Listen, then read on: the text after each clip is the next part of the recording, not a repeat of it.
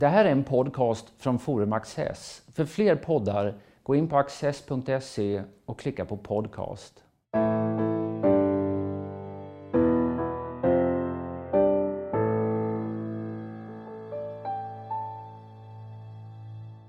Hej och välkomna till Studio Access. Vi står inför ett mycket intressant politiskt år och vi är, ja, vi är mitt uppe i en mycket intressant politisk tid. Eh, och för att hjälpa oss att navigera i dessa vatten har jag bjudit in två kvalificerade lotsar. Dels PM Nilsson, politisk redaktör i Dagens Industri. Dels Katarina Barling, docent i statsvetenskap i Uppsala. Varmt välkomna.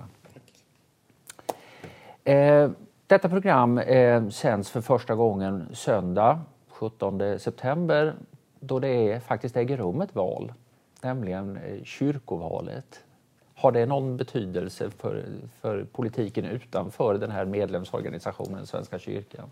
För första gången eh, som jag har varit med om så verkar det ha en slags betydelse. Och säga vad man vill om SDs roll i svensk politik men vad gäller det här valet så har ju Sverigedemokraterna vitaliserat alla inblandade på ett häpnadsväckande sätt. Jag har aldrig varit med om att eh, kyrkovalet har diskuterats på det här viset på kultursidor och ledarsidor. Och det beror ju på att eh, alla är rädda för att SD ska bli eh, så stort som det eh, kanske blir i riksdagen i nästa val.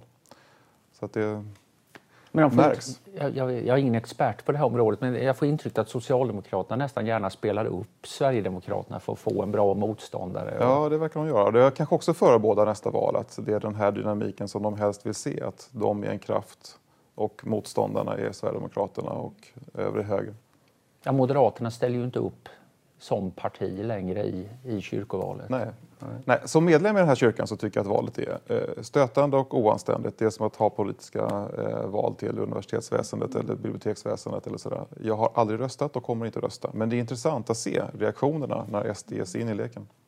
Vad säger du Katarina? Det, har vi hamnat i ett läge där allt, alla politiska diskussioner snabbt börjar handla om Sverigedemokraterna? Ja, det har vi. Eh, hela diskussionen nu, både när det gäller ny partiordförande för Moderaterna, när det gäller parlamentariska läget, när det gäller misstroendeförklaringar, eh, näst, vad, det kommande riksdagsvalet. Allting handlar hela tiden om Sverigedemokraterna. Det går inte många minuter eller sekunder ens förrän detta är frågan. Och det är ju...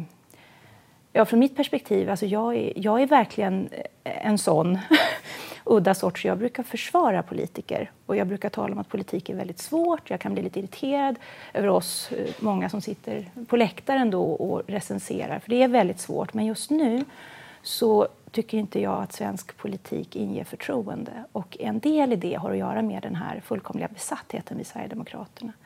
Att man är så upptagen av Eh, det som ofta kallas det parlamentariska spelet. Och det är viktigt vem som kommer i regering, men det här handlar ju inte om vem som kommer i regering primärt. Det handlar om hur man ska förhålla sig till Sverigedemokraterna hela tiden. Och det finns ju inte någon som har sagt någonting om att Sverigedemokraterna skulle sitta i en regering. Den diskussionen är ju, det är ju inte, det är en icke-diskussion, utan det handlar om hur stänger man tydligast en dörr gentemot Sverigedemokraterna? Vad innebär det att samtala respektive samarbete med Sverigedemokraterna. Var, alltså det är som en sån här, det är sån här nästan skolastiska övningar runt Sverigedemokraterna och exakt var gränserna går. Och, och när vi då ser en situation i landet där vi har enorma problem. Vi diskuterar nu på ett helt annat sätt än vad vi gjorde för några år sedan, alltså den yttre säkerheten. Eh, hot utifrån, men vi har ju enorma hot inifrån landet som ju man kan också fundera över vad de får för inverkan på vår internationella vår situation, mm. hur andra länder ser på oss. Vi har parallellsamhällen som växer fram. Vi ser gräns efter gräns som överträds. Eh, det, i, det är snart ett år sedan nu, det var i mellandagarna, så var det ett socialkontor i Mönsterås. De var utsatta för dödshot. Hela kontoret fick flytta. Alltså det var en sån här märkeshändelse. Det, det, det, passerade nästan obemärkt. Sen blev, sen blev det här kontoret uppmärksammat för att det rörde en fråga om barnäktenskap och det fick viss uppmärksamhet. Men den här flytten, det blev en notis, ingenting. SKL säger att de aldrig varit med om något liknande, vad de känner till. Ett helt kontor flyttar på grund av hot. Um, samma... Så spännvidden växer om jag förstår det rätt mellan liksom hur den politiska, inompolitiska diskussionen förs och vad som faktiskt händer ute i verkligheten. Ja. Tycker, tycker du det också PM? Ja, fast samtidigt så hänger de ju ihop. Ehm, den här laddningen kring regeringsfrågan och regeringsbildningen den är ju egentligen inte så konstig eftersom Socialdemokraternas, i alla fall nuvarande och förmodligen framtida regeringsinnehav helt och hållet hänger på att eh, borgarna skäms för ett nytt sällskap. I det ögonblick som allianspartierna accepterar att ta och inneha makten med stöd av Sverigedemokraterna så har man ju en mycket stor och stabil majoritet. Eh, och eh, regeringsbildningen efter 2014 kom ju till eftersom allianspartierna inte ville ta stöd. Man hade kunnat sitta kvar. Nu verkar det som att de ångrar eh, att de gjorde så, uttalat. Den kandiderande moderatledaren Ulf Kristersson är mycket tydlig vad gäller det. Och man har inför regeringsbildningen 2018 sagt att så kommer vi inte göra igen. Och då finns det en betydande nervositet hos S hur i hela friden man ska Eh, behålla och, eh, forts och greppa eh, makten. Och det är hårda tag vad gäller regeringsbildning i Sverige och ska väl vara det. Men, men det är inte så konstigt att fokus hamnar på SD. Sen är det ju egentligen bara historien som kan döma det nuvarande läget. Om det efter ett antal decennier går väldigt illa med SD, om SD blir stort, om SD radikaliseras, Eh, om SD radikaliseras i en dynamik med en allt mer radikal eh, inhemsk eh, islamism eh, så, så, kan det ju bli eh, farligt. Va? Eh, och SD kan visa sig vara ett mycket, mycket mer farligt väsen än vad vi nu kan se. Och då är det klart eh, att de som nu då tycker sig se eh, de tendenserna hos SD tycker att det är väldigt mycket inom vår demokrati, i vår civilisation, i vårt land som hänger på att totalt isolera Sverigedemokraterna från all typ av inflytande. Så jag tycker inte att det är så konstigt att situationen är eh, stressad av olika skäl. Sen det som Katarina nämner eh, som har att göra med eh, utvecklingen, eh, nya typer av kriminalitet och sådär. Det vi kallar dödsskjutningar och de här hoten mot socialkontoren. Eh, de är ju i någon mening eh, eh, relaterade till de senaste decenniernas migration. När man säger från politiskt håll att eh, migrationspolitiken har varit misslyckad, när man säger att integrationspolitiken har varit misslyckad, så menar man bland annat eh, den här typen av gängkriminalitet.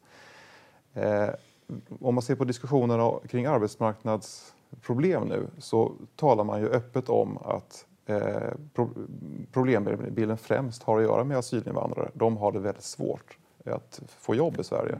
Arbetslösheten hos inhemska svenskar är eh, ja, inte noll, men den är försumbar. För fem, sex år sedan då statsminister Reinfeldt sa just det här eh, så fick han ju löpa gatlopp, så får man absolut inte prata. Men nu har man på något sätt eh, accepterat bilden. Eh, och den bilden finns ju i i realiteten på andra områden. På krimområdet definitivt. Inom skolväsendet skulle jag vilja säga att den också är ganska tydlig. I alla fall för folk som har barn i skolan och bor i områden eh, som vi kallar utanförskapsområden där skolorna inte funkar och framför allt inte funkar för nyanlända barn. Om du kommer som pojke från eh, Mellanöstern och dimper ner i svensk grundskola och är i 11-årsåldern så är risken för att du slås ut mycket, mycket stor.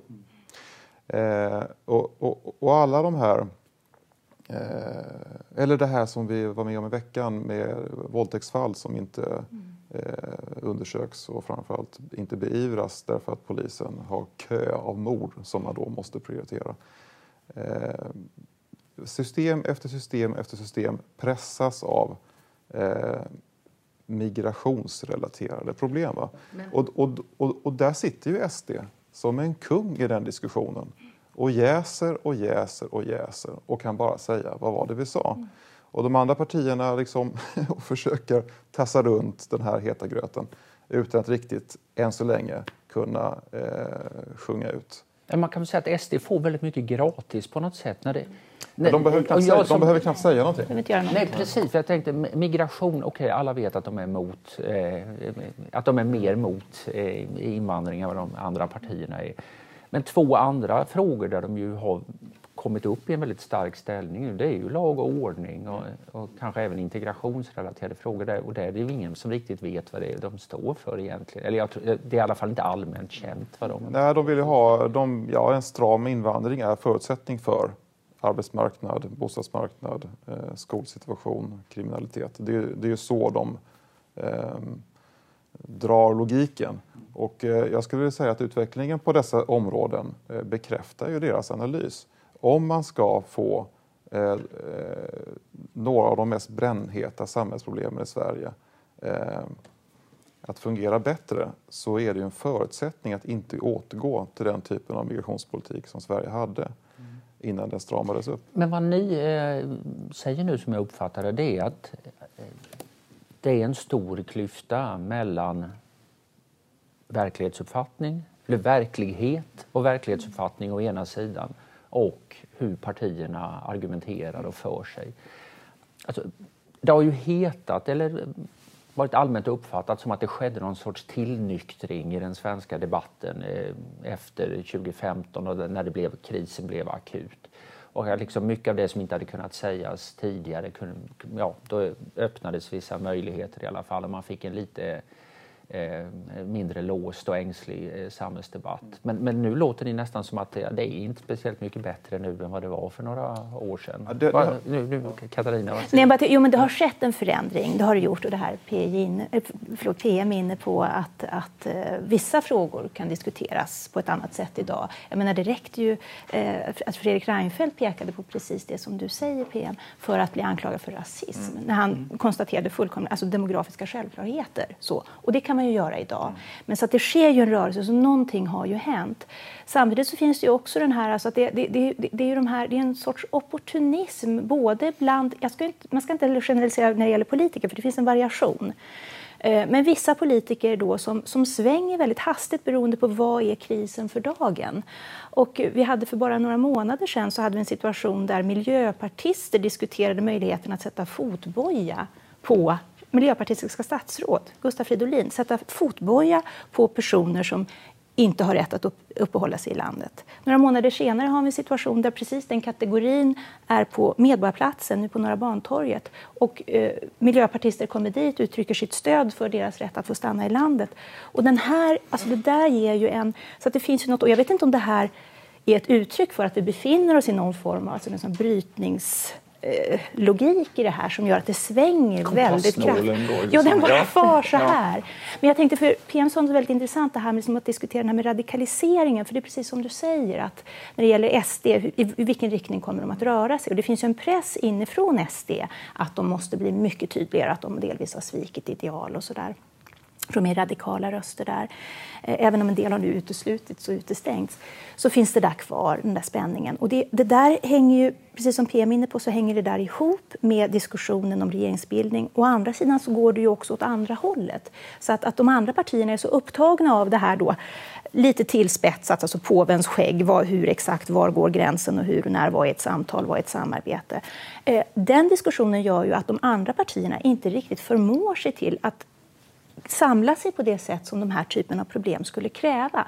Vilket då i sin tur gör att SD eh, pressas, alltså de som sympatiserar med SD och även de som inte är direkta sympatisörer med SD men ser de här samhällsproblemen kan tänka sig att gå ditåt samtidigt som SD kanske rör sig åt ett annat håll också. Så att det här, de här processerna är sammansatta och rör sig åt olika håll. Och det är otroligt allvarliga frågor som, som borde kunna diskuteras på ett seriöst sätt utan att man kastar anklagelser mot varandra, vilket ju sker i den här diskussionen. Mm. Så genom att inte tackla vissa sorters samhällsfrågor så har de etablerade partierna gjort det möjligt för SD att växa och SDs växt har gjort det omöjligt att hantera de här samhällsfrågorna. Oh, så, det är en rävsax. Det är en ganska hård kritik mot framförallt Socialdemokraterna och Moderaterna.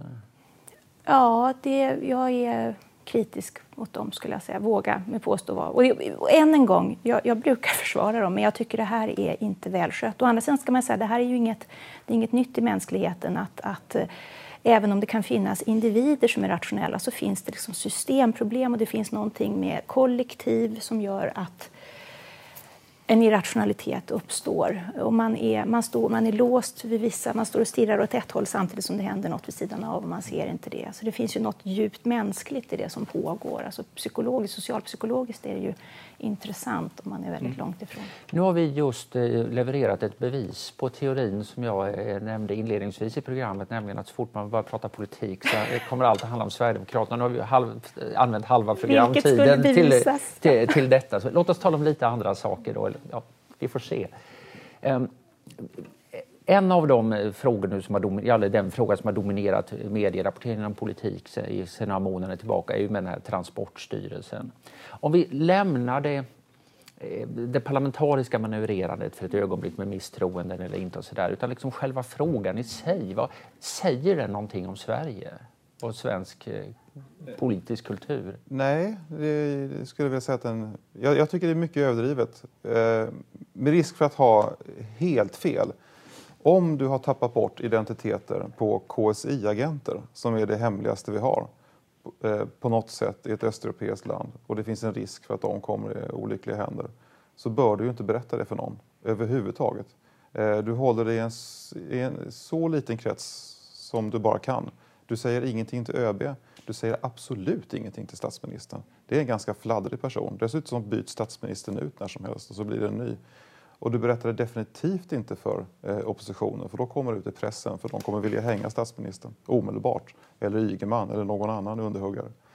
Eh, så att inledningsvis så tycker jag att Sverige skötte det där korrekt. Säpo kopplades in och man hade det på, på så låg nivå som det bara gick. Och förmodligen så har man skademinimerat eh, så mycket man har kunnat. Sen så börjar det här via Dagens Nyheter sippra upp i systemen och ut i systemen. Och då har det blivit ett jätteproblem. Och dessutom så har vi vecka ut och vecka in berättat för världen att de där identiteterna finns att hämta på kontoret i Östeuropa. Så misstroendeförklaringen borde riktas mot ministrarna därför att de började prata ja, man borde inte ha, man borde inte ha, eh, man borde inte ha eh, riktat några misstroendeförklaringar överhuvudtaget.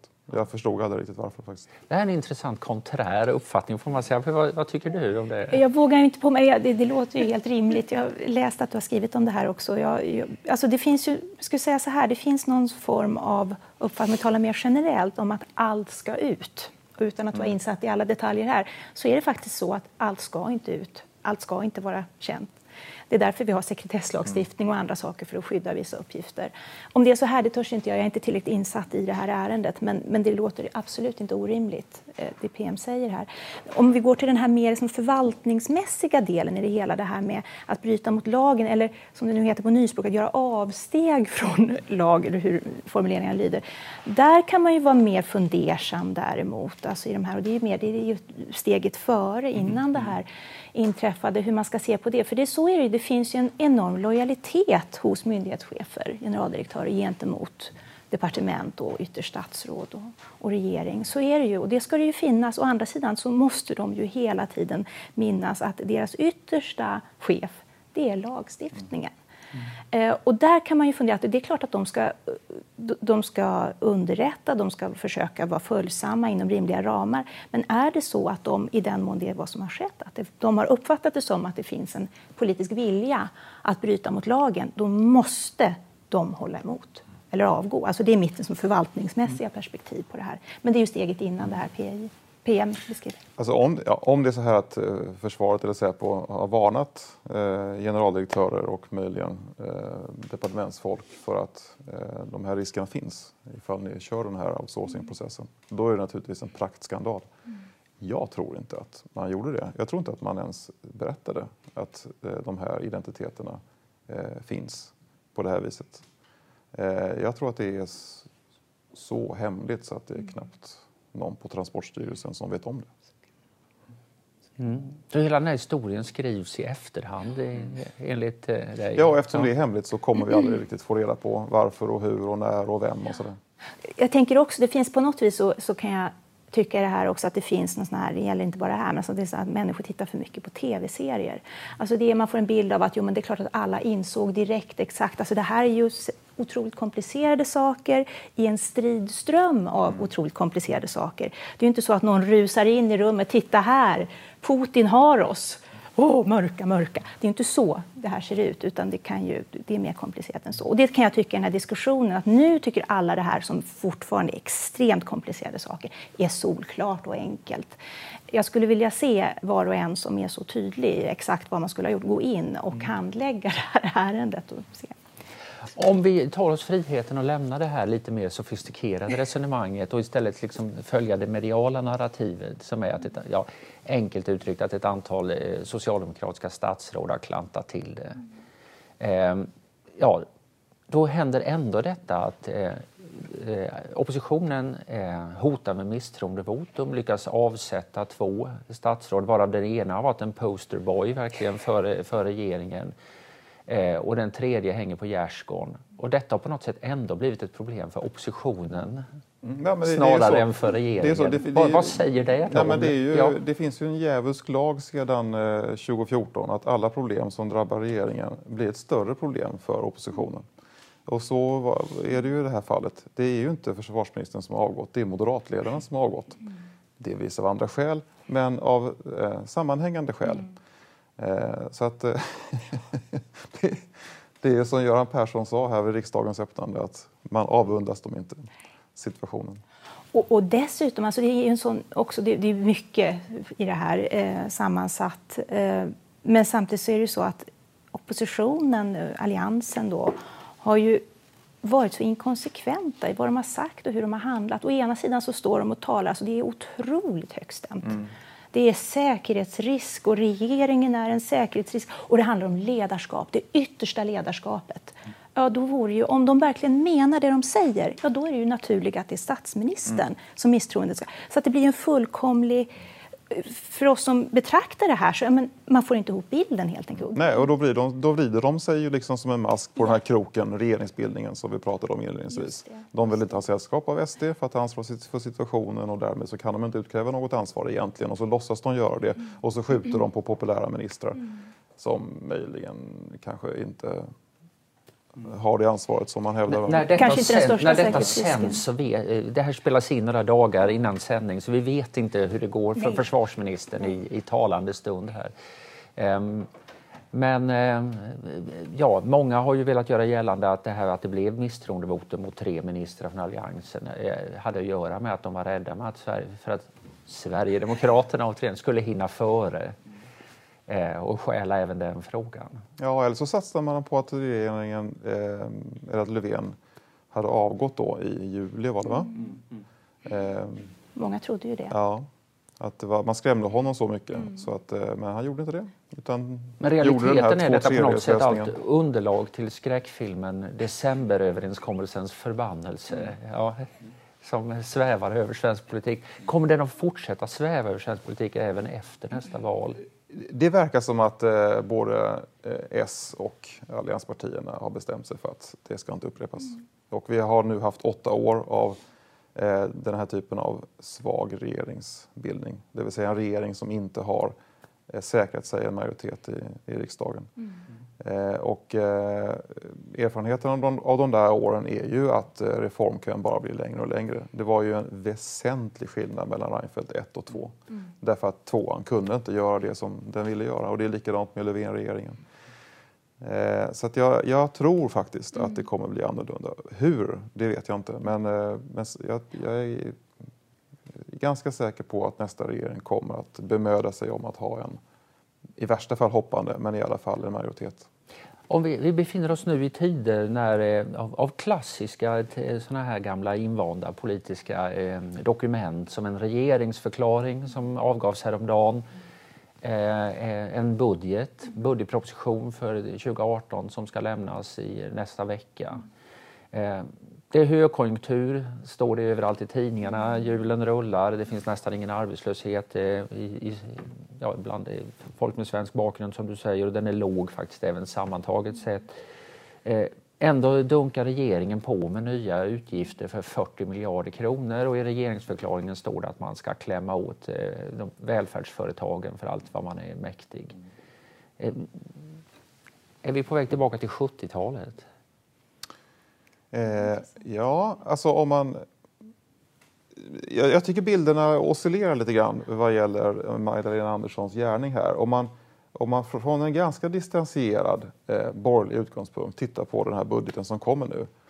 Ja, de satsar eh, hårt på polis, de stärker försvar, de köper ubåtar, de köper ett nytt långräckviddigt luftvärn, dessutom i sällskap med Miljöpartiet och Vänstern ska man komma ihåg. Och sen så är den stora utgiftsposten eh, sänkt skatt. Visserligen för pensionärer, men ändå sänkt skatt. Och man definierar från regeringens sida numera rättvisa såsom lika låg skatt. Vilket är ett nytt perspektiv, tycker jag, i alla fall för socialdemokrater. Och i någon mening så är det ju en, eh, en, en ideologisk superseger för de krafter i Sverige som har verkat för sänkt skatt under många, många decennier.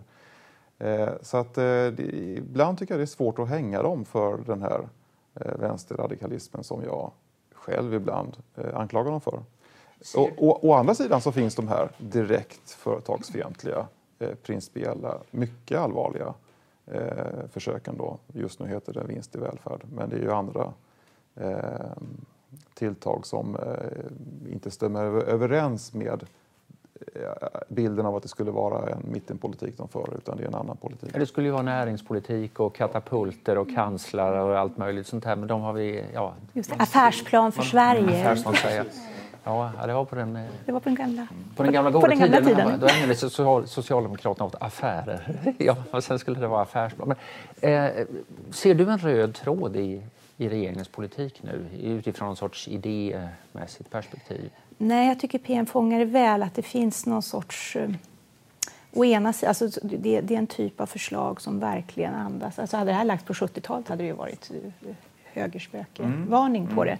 Så, eh, och exakt vad det där... Alltså Socialdemokraterna har ju att navigera i en, i en komplicerad situation. Å ena sidan så vill de ju hålla fast vid höger-vänster-skalan för det är där de är starka. Å andra sidan så är det ju så att då, vi var inne på det här med migration, identitetsfrågor, kulturfrågor och lag och ordning inte minst är, är påträngande. Och de, de ser ju att eh, Sverigedemokraterna, igen nu då, för dem är en, ett, ett hot, alltså rent väljarmässigt. Så.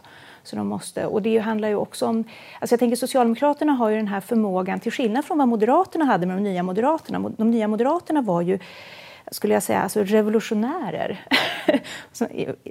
alltså det, allt skulle rensas. De skulle bort med de gamla idéerna, de skulle också bort med de gamla symbolerna. Medan Socialdemokraterna har ju någon sån här förmåga som väl delvis är det som gör att de har kunnat vara så starka så länge. Att de, de kan vara ytterst pragmatiska när det gäller sakpolitik, men de behåller sina symboler. Och de formulerar det här i termer av gammal socialdemokratisk retorik, så som PM beskriver det. Nu, nu, är det så här, kära vänner, att tiden flyger och eh, vi, vi, måste ägna de här eh, stackars kamraterna i borgerligheten en, en sista fråga, eller två möjligen. Eh, och då, låt oss säga så här, om några veckor ska Moderaterna välja ny eh, partiledare. Eh, om vi då gör en, en lång en fråga. Vad talar för och emot att Ulf Kristersson kan bli framgångsrik och vad säger det om Moderaterna att en massa distrikt nominerar Carl Bildt som ny partiledare? Åh, vilken svår fråga. Uh, alltså han är ju han är ju det väntade valet. Eh, så. Han, han fyller ju det här, alltså den här bilden av hur en moderat ska vara. Han är, han är eh, i någon mening, och då menar jag inte något negativt med det, men så förutsägbar. Det är också en exceptionellt skulle jag säga, alltså begåvad person. Eh, så. Och det, talar ju, det, det, behöver svensk politik verkligen fler av. Eh, så. Eh, å andra sidan så eh, i det här läget, vi, och, det, och det är också det att han är ju delvis är han ju ett oskrivet kort. Vi vet inte exakt vart han kommer att gå. Men det vi vet med honom är ju också det. Han framställs ju ofta då som att ja, men det här är bara more of the same. Det är samma som Anna Kinberg Batra och sådär. Mm. Och det, det stämmer ju delvis. Han, han har den här, liksom, den här moderata liberala ådran som han företräder. Å andra sidan så är, är, han också en moderat som kan resonera på ett sätt som det ganska sällan man har hört moderater resonera under senare år. Han, han hänvisar till, till Hans Zetterberg och det här att marknaden, marknadslogiken är inte tillämplig på alla områden. Vi måste förstå att vi kan inte tala om kunder överallt och så. Vilket ju är något lite annorlunda. Och det man ska komma ihåg är ju också det att han var faktiskt en av dem som höll emot den här typen av migrationspolitisk förändring som regeringen och Reinfeldt drog och vann, vann.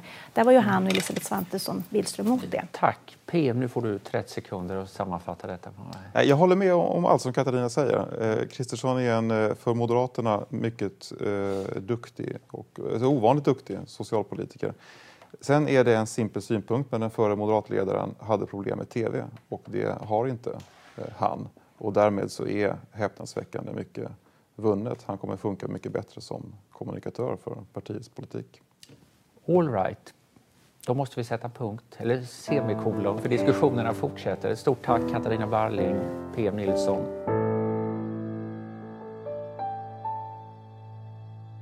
Och här kommer några extra minuter med mig och min gäst. Okej, okay, det här låter eh, rimligt. Ulf har lite, ja, Kristersson har lite bättre möjligheter än sin företrädare. Ehm, men det här med Bildt, är, hur ska man tolka det? Tror verkligen de här att, eh, är det riktiga nomineringar eller är det något sätt att ge Kristersson tjuvnyp?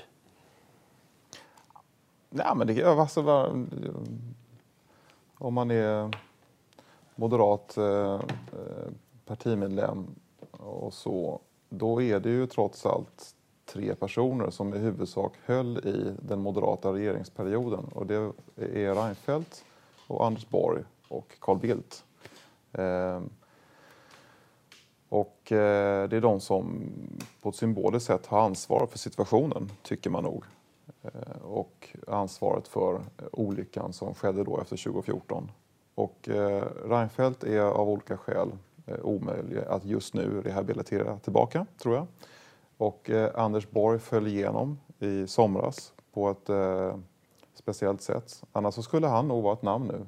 Och då är det ju Bildt som återstår som man eh, kanske skulle tycka kan träda in och ta, ta, och ta, och ta ett ansvar i, i, ett väldigt, väldigt speciell, i en väldigt, väldigt speciell situation. Va? Det, för att det är nämligen så här att om SD blir större än Moderaterna så ändras ju eh, svensk politik i så många avseenden. Och den smällen för M som det innebär är ju eh, ja, obeskrivbar. Alltså. Mm. Eh, om man ger SD rollen som det stora oppositionspartiet så eh,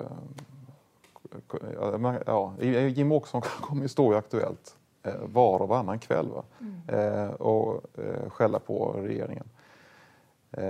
Så det är klart att Moderaterna är nervösa och att de vill att någon kommer in och reder upp detta. Och då vågar man inte, kanske, vissa av dem, lita till att de här lite yngre förmågorna gör det. Anna Kinberg Batra-generationen kunde inte. Eh, och då så lutar man sig mot Bildt. Jag tycker inte att det är, det är ingen orimlig tanke. Men det är en välvillig tolkning, det är att man vill ha Bildt snarare än att man vill ge en näsknäpp åt eh, Kristersson och, och kanske därmed också mot eh, Eller så ibland Batra. jag så här att, att det, är ett slags flankskydd mot Odenberg. Om man nu drömmer om någon eh, äldre, eh, tidigare, som kommer in och reder upp det så är Bildt mycket bättre än Odenberg. Jag tänker det, är så, det är jätteintressant den här ansvarsaspekten mm. i det hela. Alltså det kan till och med finnas, nu, nu får du styra upp det här, mm. du är del i det här eh, som skedde. Eh, och, och, och, även parat på ett intressant sätt med en sorts nostalgi och alltså, kanske nästan desperation. Mm. Alltså, det kan man ju se på vissa håll. Alltså, vad ska vi göra? Ja, men vi tar bild. Mm. så. Eh, Å andra sidan kan man säga att det är ju, jag ska inte sitta här och recensera partiledare, men det är ju inte framför allt genom sin inrikespolitiska framgång och fingerfärdighet som, som Carl Bildt eh, gjorde sig ett namn, utan det är snarare sån internationell trimmer. Mm. Han var ju inte en, en ja, hans regering var ju inte... Det var ju också både mandatmässigt och eh, i övriga delar så ganska svag regering. Eh, då var det ju Ny demokrati som spelade den här rollen då. Mm. Och han, han hade tungt statsråd som avgick då på grund av Öresundsbron och vi hade den ekonomiska krisen. Han lyckades göra sig osams med Ingvar Carlsson trots att Socialdemokraterna gick in där. Fast om jag uppfattade PM rätt så var det inte liksom för att komma tillbaka för, för att eh, återupprepa glansen från 91 till 94 eh, utan från att, eh, för att liksom eh, vara med och gottgöra tillkortakommanden från eh, Reinfeldts andra ja, och regering. Att, och, och någon slags förhoppning om att han med sin karaktär eh, kan göra det här klassiska socialdemokratiska tricket att med gott självförtroende eh, slå ihjäl Sverigedemokraterna eh, eller, eller i alla fall slå dem på fingrarna och sen ta makten med hjälp av dem. Eh, det, är, det är det reptricket som man letar efter. Och S har ju alltid gjort så med kommunisterna. De har ju klarat av det. Man satte till det med underrättelsetjänsten på dem eh, och bekämpade dem på alla möjliga sätt. Men man tvekade aldrig Nej att ta makten med hjälp av dem. Och jag, vill bara säga, jag tolkar inte heller dig PM som att det skulle handla om att man vill tillbaka till 91, inte det. Men det är också att man tilltror Carl Bildt mm. den här enorma förmågan som du beskriver. Ja, är, kan vara en överskattning av hans inrikes... Men vad vet man? Ålder är ju jag skulle säga, ålder är underskattat i svensk politik. Eh, skulle behöva fler. Jag är inte emot att man tar in personer som har något upplevt. Jag vet inte hur stor den här i, är liksom, eh, entusiastisk, gruppen som nu visar entusiasm för Mikael Odenberg är i, eh, i realiteten. Men det är lätt att bli bedra sig på hur det ser ut på sociala medier och sådär. Men att det finns ett sug efter eh, vuxna Vux, ja. i, i svensk politik, det tror jag är ostridigt. Ja, alltså. det Vi ska ta en fråga till bara innan, innan vi skiljs åt. Och då, jag, i en bisats PM så sa du att det blir nog sannolikt S-regering efter nästa val också. Sa jag det nu i programmet? Ja, ja. Kanske så. Ja, ja. Jo, men det är väl eh, det, det är väl det troliga. Ja. Mm. Och, och då är min fråga, liksom, kan, vad är det svenska S kan som inga andra socialdemokrater i Europa kan? Är de liksom, varför är de förmögna att trotsa den politiska tyngdlagen? Ja, de är jätteduktiga på att förena oförenliga ståndpunkter. Mm. De är, det är ju, livet är ju sånt. Eh, det finns massvis med frågor som inte är svartvita. Vi har pratat om migrationsfrågan förut, det är en typisk sån fråga. Eh, den är förtvivlad, den är svår, den är fullkomligt omöjlig att eh, göra ett tvärsnitt igenom på ett rationellt sätt. Utan det är en kompromiss mellan två olika intressen. Migranternas rätt att starta ett nytt liv och nationens egna medborgares rätt att ha ett fungerande samhälle. Det är ju, hur i hela friden ska vi göra med det? Det finns massor med lagstiftning som är sån. Svensk, svensk abortlagstiftning är full av våndor inför detta eh, eh, som man ändå gör med fostret. Om man läser förarbeten och lagtexter så är det liksom det är katolicism från början till slut. Och sen låtsas vi ändå som att vi har fri abort, men det har vi definitivt inte. Eh, och, och S är ju mästare på detta jätteduktiga på att eh, på något sätt navigera sig fram i den här lite gråa, svåra eh, miljön fylld med kompromisser. Medan de borgerliga partierna har mycket smalare kyrkor övertygade om att de har rätt i princip och i sak och, sådär. Så att, det är svårare, det, det är svårare, svårare för dem. Kristdemokraterna i Tyskland tycker jag har den kvaliteten. Eh, Helmut Kohl beskrev det som att vi är en bred europeisk flod. Långsamt flyter vi genom landskapet och passerar en och annan eh, djup håla på vägen. Men vi har en enorm kraft på väg mot havet.